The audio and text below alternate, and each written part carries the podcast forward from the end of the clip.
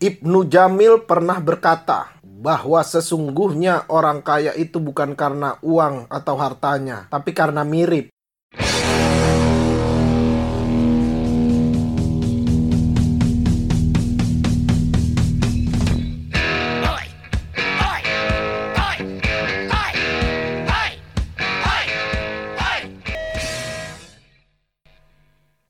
Dulu gue pernah denger lawakan zaman-zaman masih perang status di BBM ada teman di BBM gue yang bilang di statusnya gitu lo enak kayak gue ganteng doang. Ternyata setelah gue gedean dikit orang ganteng itu emang lebih bahagia daripada dokter pilot tukang jus. Pertama orang ganteng. Gue lebih sering ngeliat orang ganteng nikah sama pengusaha kaya. Cuma ngeheknya nih ya. Zaman sekarang tuh orang banyak yang nggak bersyukur dengan kegantengannya, dengan paras tampan. Orang dulu ganteng matre, binal, nakal.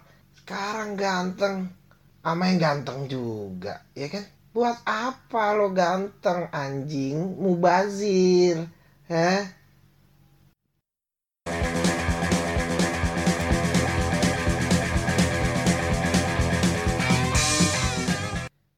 Ada satu nih yang bener-bener nyangkut di kepala gue dari gue kecil. Gue nggak pernah bisa ngerasain.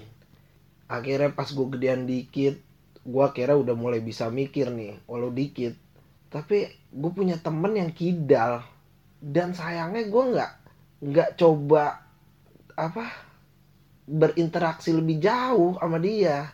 Gue tuh pengen tahu tau gak sumur umur gue hidup gue tuh pengen tahu rasanya orang kidal bawa motor. Itu rasanya kayak apa?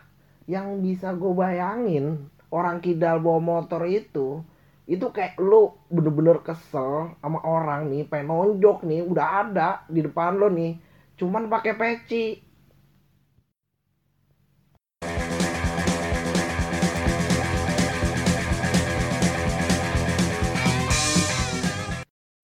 gue yakin kalau di antara lo semua ditanya nih lebih baik dikurangin apa dilebihin itu pasti lo banyak kan mau dilebihin. Itu nggak berlaku men kalau lo naik angkot. Lo bayangin nih lo berangkat dari Depok ya.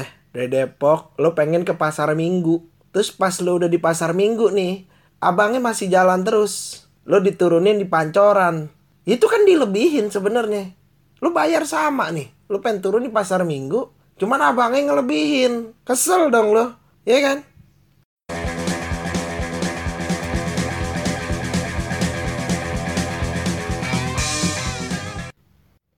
Kalau misalnya ada orang nanya ke gue, lu mau jadi apa? Dari dulu, dari kecil nih, cita-cita gue tuh pengen jadi rockstar. Tapi bukan karena kaya, terkenal, atau dikelilingin cewek-cewek. Itu bullshit buat gue men bukan bukan itu. Bukan itu alasan gue pengen jadi rockstar. Tapi gue pengen banget pas gue lagi nyanyi nih pas lagi pengen ref nih. Misalnya gue nyanyi pas pengen lagi ref gue bilang semua nyanyi bareng ya kecuali lo.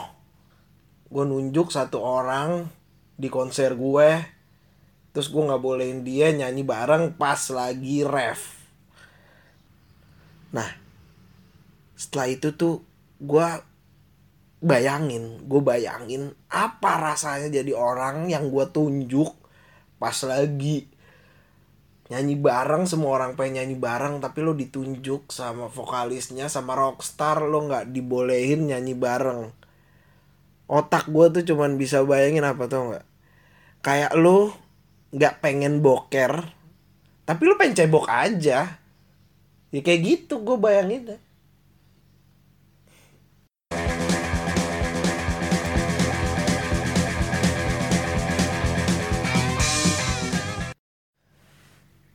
kalau lo ingat beberapa tahun yang lalu itu sempet hits kalimat jadi gue harus wow gitu.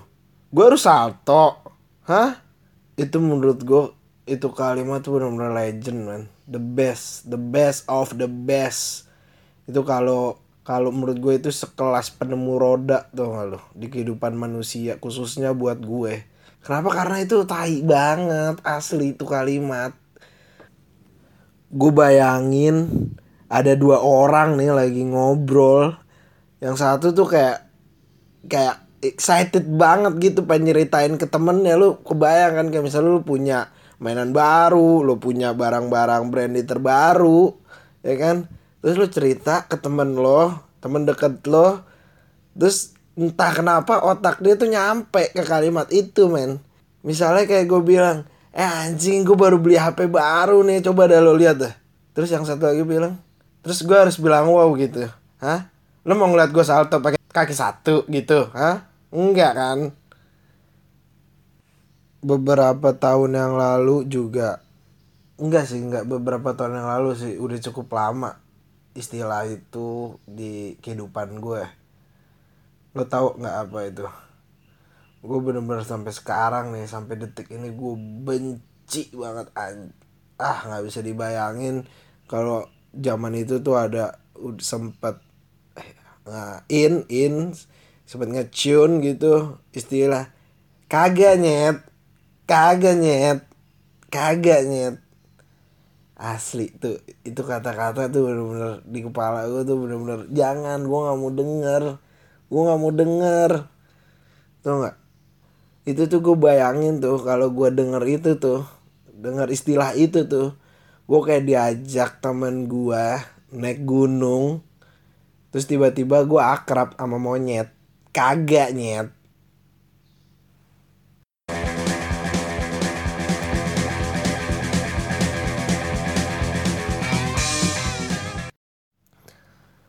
ada satu profesi yang bener-bener gue nggak bisa bayangin ketika gue ada di posisi itu yaitu guru.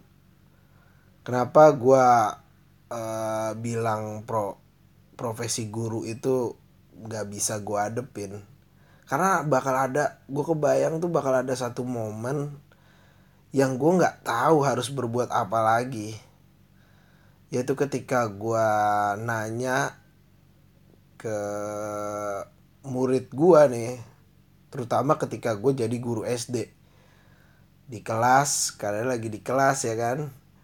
Gue nanya dong ke murid gue coba Randy Randy kalau gede mau jadi apa?